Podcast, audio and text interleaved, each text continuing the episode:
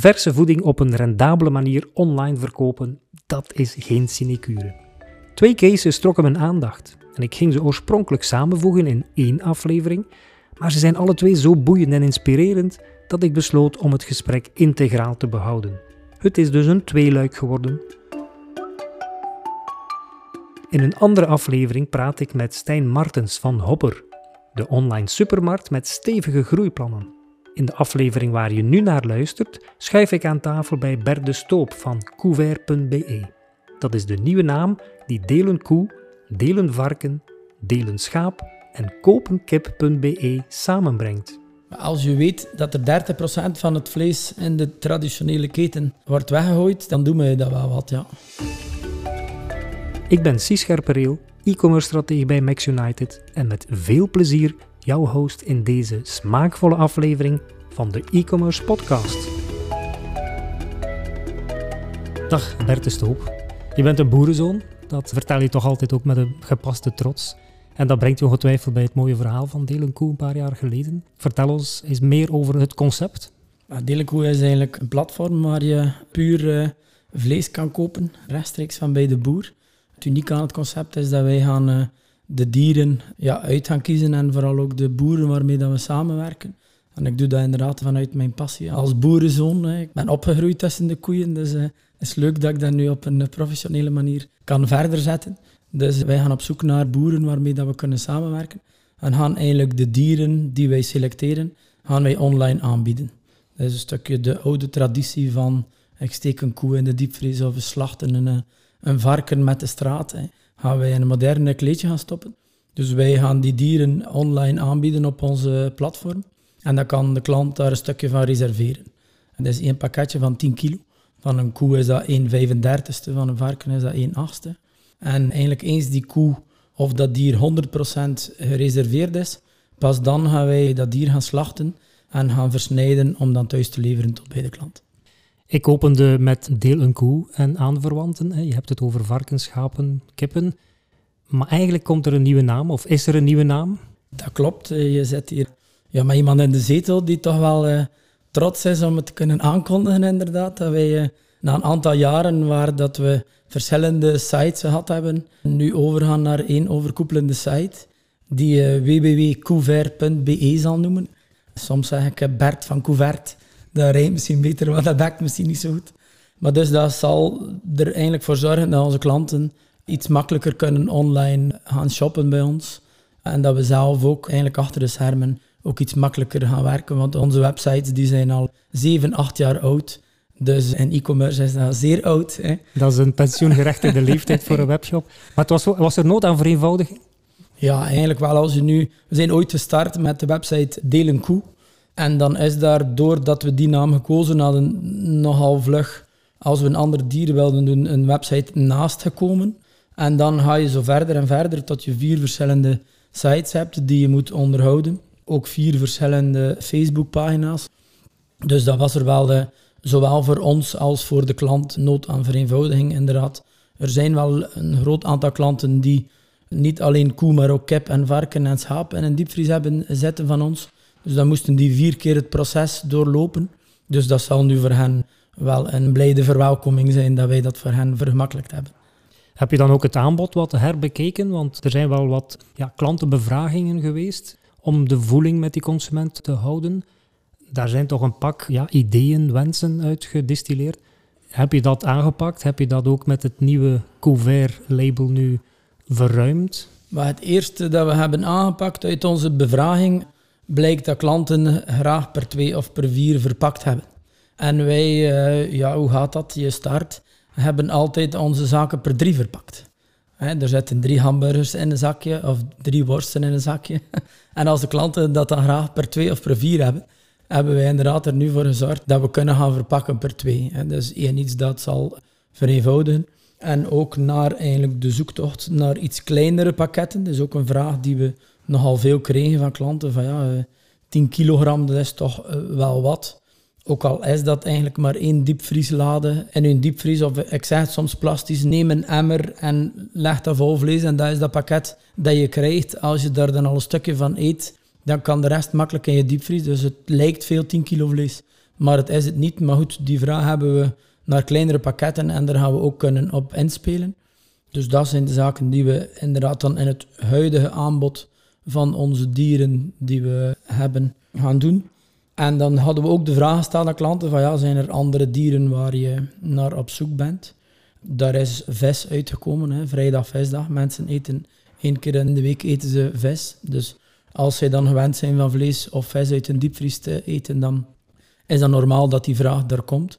Maar er zijn ook andere specifieke dieren, zoals wild of struisvogel, waar we naartoe aan het kijken zijn om met boeren eigenlijk die samenwerking te gaan opzetten.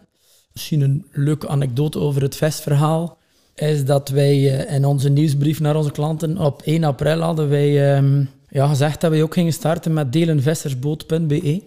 En toch een aantal klanten hadden dan niet door dat het eigenlijk om een aprilvis ging. Dus we hebben er zeer veel positieve reacties van gekregen. Van ja, uh, Delen Koe gaat ook starten met vis. En welke soorten ga je hebben en wanneer komt dat en noem maar op. En dan hebben we eigenlijk de week erop wel aan onze klanten moeten laten weten dat dat eigenlijk om een aprilvis ging. En er zaten toch een aantal onthogelde klanten tussen die al dachten van... Uh, ja, ik krijg die kwaliteit van vlees dat ik gewend ben ook, uh, ook in vis. Um, maar dat heeft ons toch doen inzien dat we inderdaad dat proces wel wat willen versnellen. Dus eens eigenlijk couvert gaat gelanceerd zijn, dan uh, kijken we er naar uit om vlug ook met vis te starten. Ja. met het nieuwe label is dat ook perfect mogelijk. Dat klopt, ja. Om die uitbreiding te gaan doen. Ik lees bij een aantal andere wensen van die consument meer zelf kunnen samenstellen, kleinere pakketten zoals je zegt, porties aanpassen kunnen, kiezen. Dus die flexibiliteit en keuze, die, dat is toch wel een prominente vraag. Hè? Het is zeker een vraag die aanwezig is. Nu, anderzijds willen we wel trouw blijven aan ons concept van eigenlijk het volledige dier te gaan opwerken en eigenlijk ja, duurzaam te gaan werken. Maar we beseffen ook de vraag van die klant. Achterliggend hebben wij eigenlijk nu ja, ons dier hè, opgedeeld in kilo's, zeg maar. En eens je naar die kilo's gaat, kan je dan veel flexibeler gaan werken. Terwijl dat we vroeger zeiden, nee, het is één dier is 30 à 35, afhankelijk van het gewicht of het ras van het dier. Hè. En daar heb je die pakketten. Gaan we nu, doordat we met gewichten werken, eigenlijk ja, gewoon die gewichten moeten uitverdelen, zeg maar. En dat uh, zal voor meer flexibiliteit kunnen zorgen in ons nieuwe concept, ja, dat klopt. Met de nieuwe naam Couvert.be wil Bert dus vooral inspelen op een verruiming van het aanbod en op flexibiliteit, want dat gaf de consument aan tijdens de bevraging. Maar de vernieuwing biedt nog extra mogelijkheden. 90% verkopen jullie in Vlaanderen, 10% in Nederland, dacht ik ongeveer. Zijn daar groeiperspectieven, groeiplannen? Eerst en vooral denk ik dat, we, dat er ons ook nog veel mensen niet kennen. Veel mensen ja, delen koe, ja. Als je het verhaal vertelt, dan zijn er veel mensen die zeggen... Ja, ja, ik heb dat al ergens gehoord. Of inderdaad, vroeger stopte mijn oma of mijn ouders ook een koe in de diepvries. Dus ja, ik heb dat wel eens zien passeren, maar, uh, maar uh, ja, ik heb het nog nooit gekocht bij jullie. Dus als we dan puur naar Vlaanderen kijken, denk ik dat, dat veel mensen ons concept kunnen leren kennen. En dat als we ons verhaal vertellen, hoe uniek dat het is en hoe duurzaam dat we zijn, en die klant kunnen een stukje over de streep trekken om het eens te proberen. Dat we bij veel klanten zeker blijven hangen, want eens je het geproefd hebt, dan ben je wel uh, overtuigd. En is er zo'n probeerpakketje? Er is inderdaad een trialpakket van 5 kilo. Die gaat zeker een prominentere plaats krijgen op ons nieuwe platform.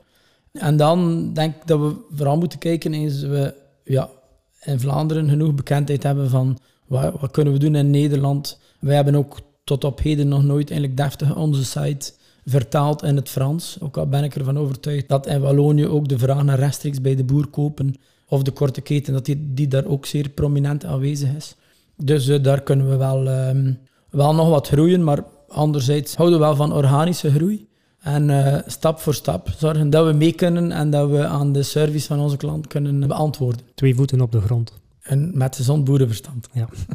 Maar wat is groei eigenlijk voor jou, als je het zou moeten definiëren? Ik maak nu onmiddellijk de link naar geografische groei. Nederland en Frankrijk benoemen we nu. Maar wat is groei voor jou?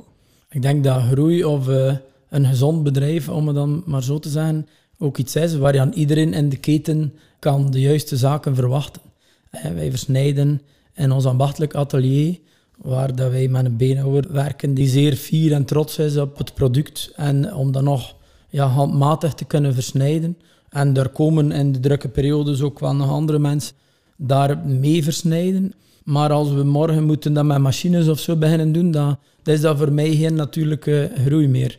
Ik denk een aanbod dat we wel nog willen groeien en dat we nog veel boeren en boerinnen willen helpen om de juiste prijs te krijgen voor hun product.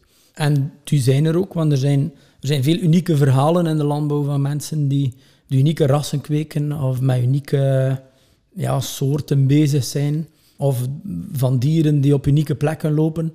En die eigenlijk dan die vraag wel aan ons stellen van ja, uh, kunnen wij samenwerken? En dan um, konden wij er tot op heden ook nog niet op ingaan, omdat ons platform het nog niet aankon. Hè, of dat we, als we wijziging moesten doen, moest, moesten we telkens bij onze IT'er aankloppen van uh, ga je een keer dat woord en dat woord veranderen? Of die inhoud van dat pakket, dat, dat lag allemaal bij onze IT'er. Dat staat allemaal in de code.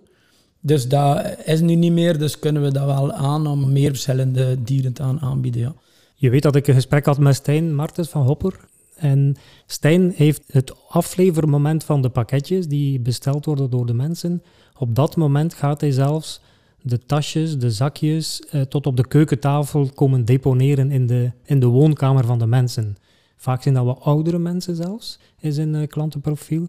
En die in zijn groeitraject wil hij absoluut dat element, dat menselijke, dat korte babbeltje, proberen te behouden. Misschien is dat niet eenvoudig in dat groeitraject. Zijn er bij jou elementen waarvan je misschien zelfs ja, vreest in de groei? Ja, misschien wordt dat wel moeilijk om dat te behouden. Je kan je klanten bevragen en weten wat de wensen zijn van je klanten om meer flexibeler te gaan zijn. En ook daar zouden we wel naartoe kunnen. Dat is niet zo moeilijk, maar met de boeren dat we samenwerken, die hebben ook nog andere koeien dan degene die wij aanbieden.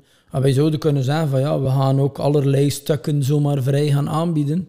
Maar ja, dan, dan werken we niet meer zo duurzaam en dan, dan zijn we niet meer ons eigen unieke zelf van delen koe waar we ooit gestart zijn. Dan zijn we eerder een online slagerij aan het worden. En ja, ik denk dat, dat, dat we dat net niet willen zijn. Dat we dat unieke van die koe helemaal opwerken en weten dat jij als klant een deeltje hebt van een koe of een dier of, of, of een lot kippen, waar er ook andere gezinnen in Vlaanderen van delen, dat dat ons net uniek maakt. Is het moeilijk als ondernemer om daar niet in de verleiding te komen om dat allemaal wel erbij te nemen? Het is moeilijk, maar ik heb al een klein beetje ervaring, ook al voel ik mezelf nog, uh, nog jong. En ik lees ook veel uh, goede boeken over e-commerce, waaronder uh, dat van Herper. En soms lees ik ook van blijf jezelf en blijf authentiek en hou je focus. En dat is in ondernemen wel ook denk ik belangrijk, dat je de focus blijft houden en niet alles probeert te doen. Dan is die focus voor ons een goed product leveren dat eigenlijk nergens anders te vinden is, maar wel in vrij grote pakketten die in de diepvries bewaard worden. En dat is een valkuil om erin te trappen en wel een online slagerij te willen zijn. Maar dat zou ik toch willen vermijden om dat, om dat te moeten doen. Je staat er vandaag zo goed als alleen voor, klopt dat? Of je hebt een klein team rond je? Ik heb uh, een marketeer die uh, voor ons uh, werkt, omdat het zeer belangrijk is om ons verhaal te kunnen vertellen. Om eigenlijk ja, klanten mee te nemen in dat traject van het selecteren van die dieren. En dan eigenlijk daar ja, toch een beetje te moeten wachten tot die koe verdeeld is en dan het thuisgeleverd te zien. En daarnaast hebben we ja, het, het atelier waar een aantal mensen in werken. Dan onze beenhouwer in eerste instantie Jo en dan de rest van mensen die het aanvullen. Dus op zich is Couvert echt een ja, een verzameling van mensen die allemaal met dat product bezig zijn. Ik heb ook nog de boer en de boerin vergeten, die met hart en ziel aan die producten kweken eigenlijk. De, de slachter die zelf nog aan de band staat om die koe te slachten. Dus uh, ja, onderweg zijn er wel veel mensen die ermee bezig zijn. Maar ze hoeven daarom niet 100% dedicated uh, op je payroll te staan. Transport, dat is een beetje een, ja, een link naar het praktische luik, maar ook daar zit misschien een groei, ja, stress op. Jullie verzenden of verpakken nu in een vacuümverpakking de vleeswaren, stoppen die in een kartonnen doos en die kartonnen doos die wordt in een piepschuimenbak geplaatst met koelelementen, met droog ijs. Dus eigenlijk de perfecte conditie om dat bij de mensen thuis te brengen. Is dat vol te houden? Is dat een, eh, een goede omstandigheid? Ik ga weer een stukje terug naar vroeger, waar als wij starten, maar wij gaan uh, verse producten thuis leveren bij de mensen, uh, dat er eigenlijk in in freshfood e-commerce nog niet zoveel bestond van logistiek. En dan zijn we eigenlijk dat traject met die coolbox samen gaan uitwerken met een aantal mensen die daar mee bezig waren. Uh, we zijn blij dat we tot op heden dat nog altijd kunnen aanbieden.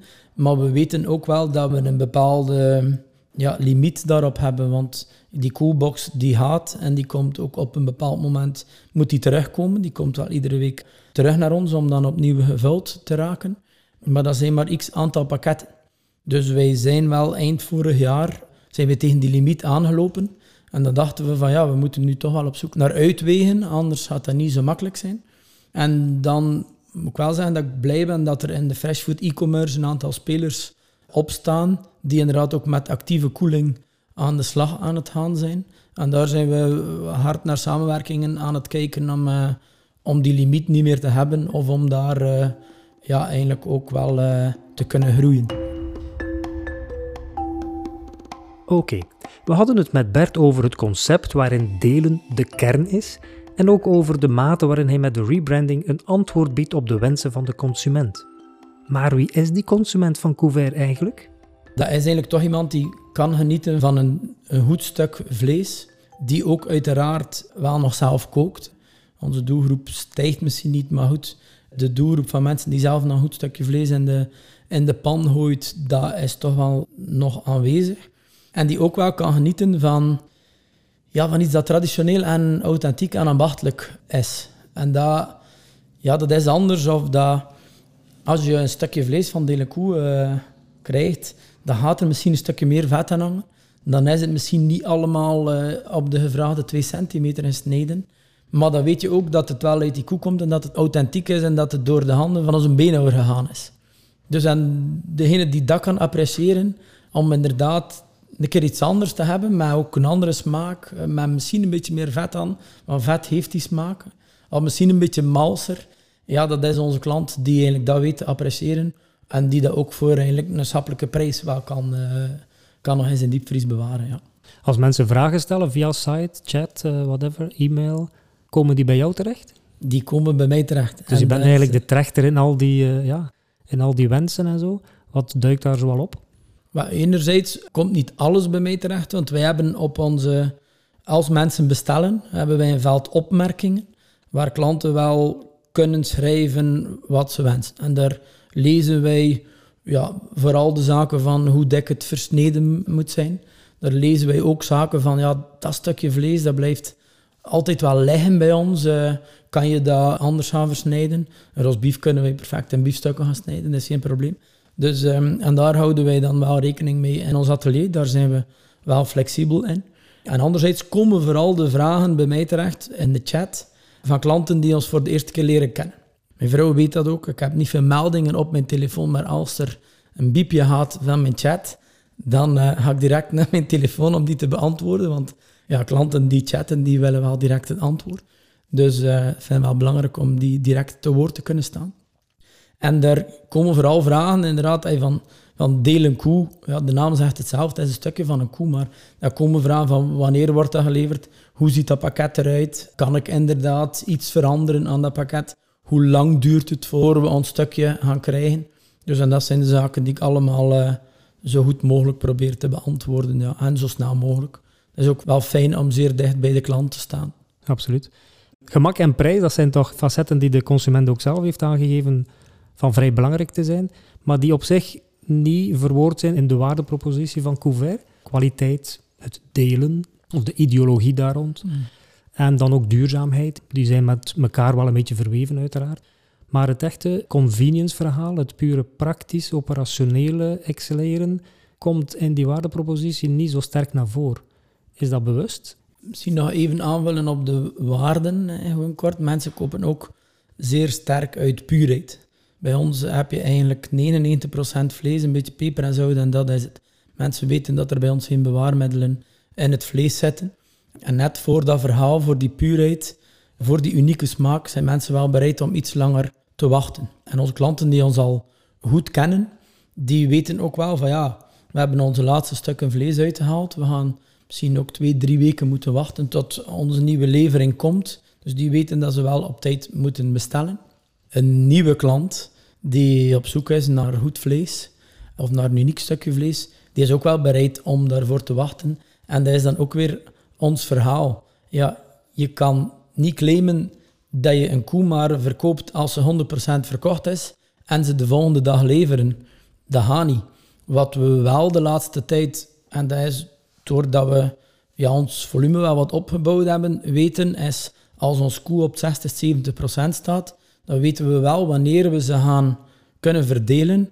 En dus vanaf dat we dat inschatten, geven we wel een datum mee aan onze klanten die ook nog dat stukje moeten kopen. Dus in bepaalde gevallen zal je op onze site wel een verwachte leveringsdatum vinden. Kunnen we daar een keer naast zetten? Ja, maar dan hebben we ook nog socials of een nieuwsbrief voor te zeggen van kijk, we hebben hier nog vijf stukken van een koe die verdeeld zal worden volgend weekend. Je kan er nu nog op intekenen. En doordat we toch een groot organisch bereik hebben, zijn mensen dan blij van, ah ja, juist, mijn diepvries was bijna uit, laat maar die limousin of die blonde aquitaine al komen. Ik weet wanneer hij komt, wij zijn dat, dat weekend thuis. Goed, ga, ik teken daarop in. Dus, uh, dus dat is ook daar weer uit die klantenbevraging, uit je klanten leren kennen, dat we proberen een klein beetje aan de knoppen te draaien, maar zonder onze echte waardepropositie van een deel kopen van een dier die eigenlijk nog in de wei loopt, dat willen we wel niet verliezen. Ja, het is niet zo dat ik op vrijdag bedenk, ik ga morgen een barbecue doen.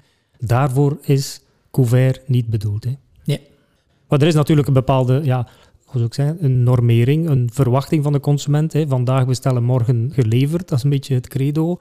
Dat geldt hier niet. Is er geen taco, net voor die content marketeer waar je op, naar op zoek bent, om dat verhaal ook een stukje te brengen van dat beetje geduld hebben, dat loont?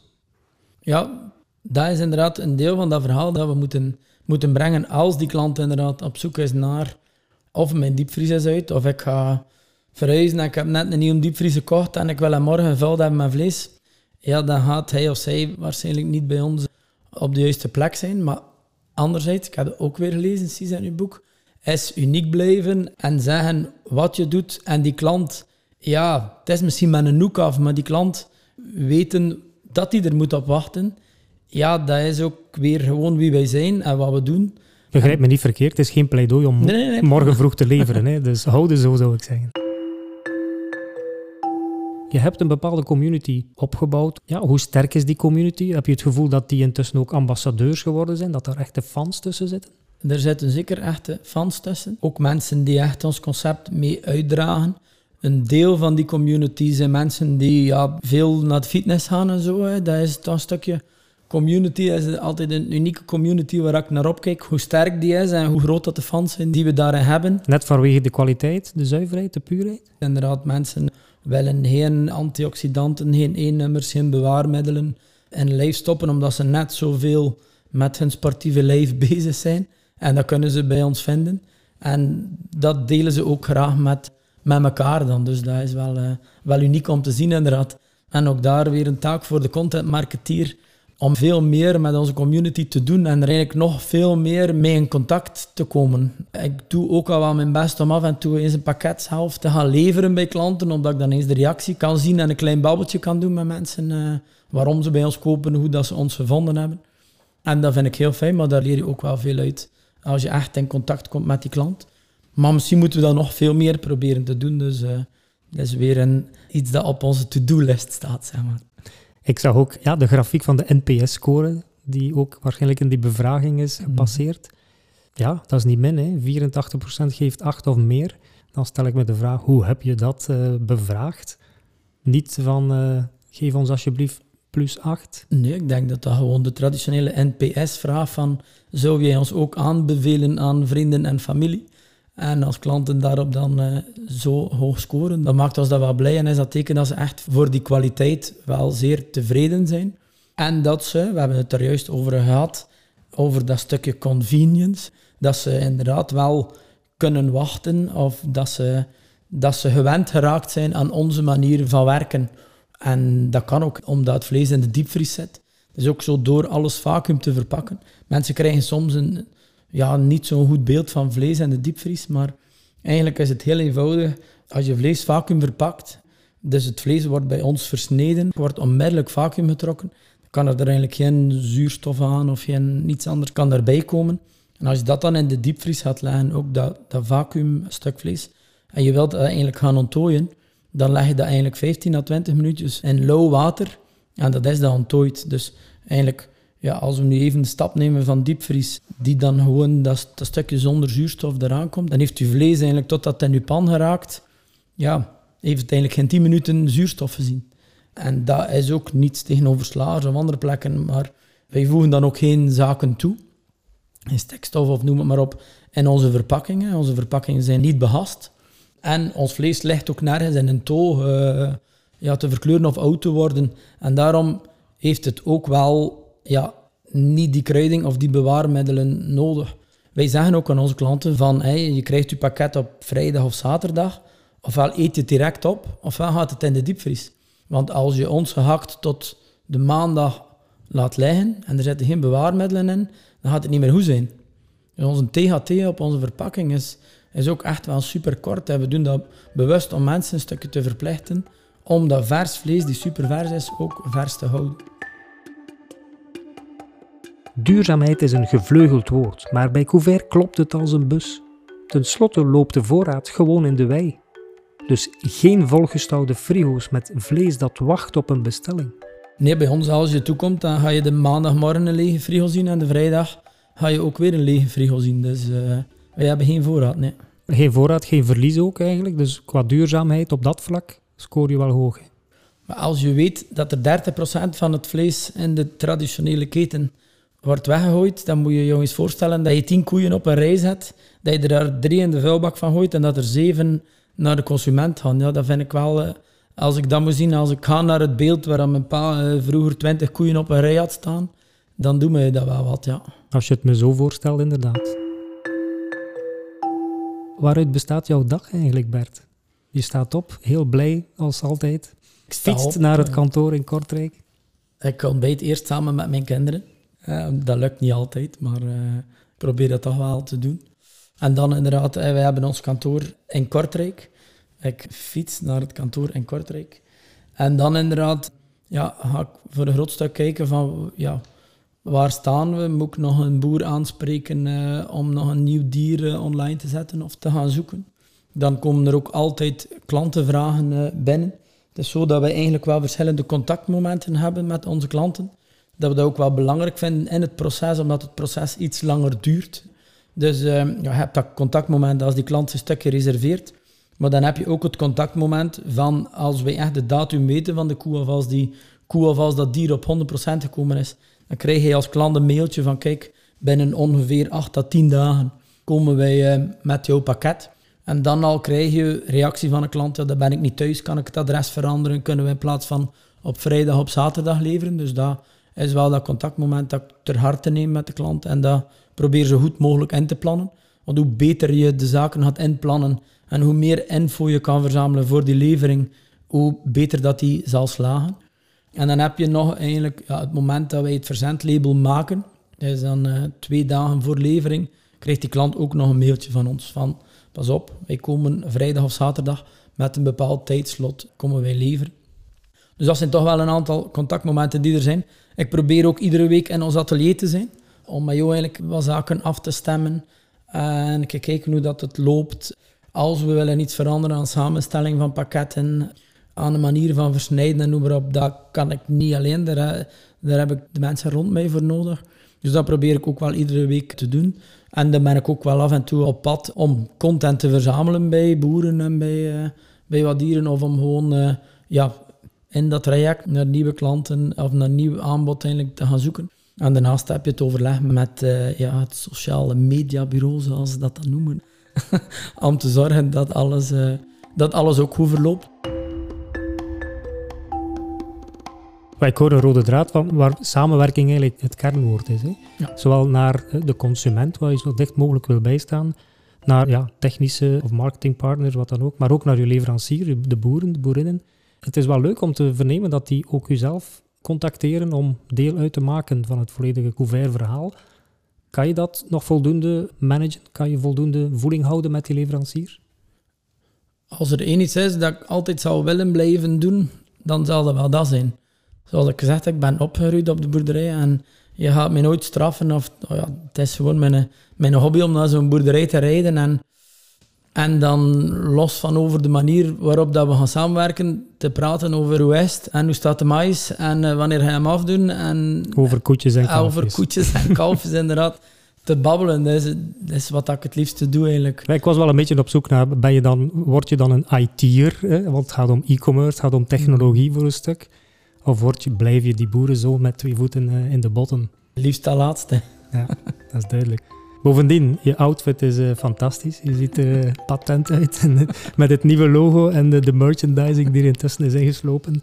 Dus uh, ja, absoluut heel veel succes met Couvert. Dank u wel. Een babbel met Bert is altijd een plezier. Hij is bedachtzaam, maar toch vastberaden.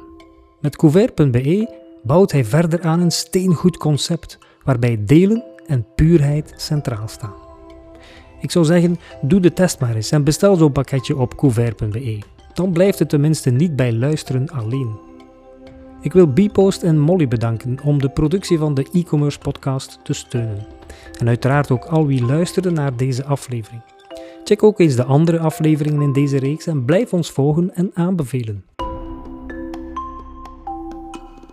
Je weet inmiddels dat we bij Max United ondernemers vooruit helpen met het uitschrijven van een groeistrategie en de uitvoering ervan. Sta je voor zo'n uitdaging? Contacteer ons gerust voor een klankbord bijvoorbeeld op maxunited.be.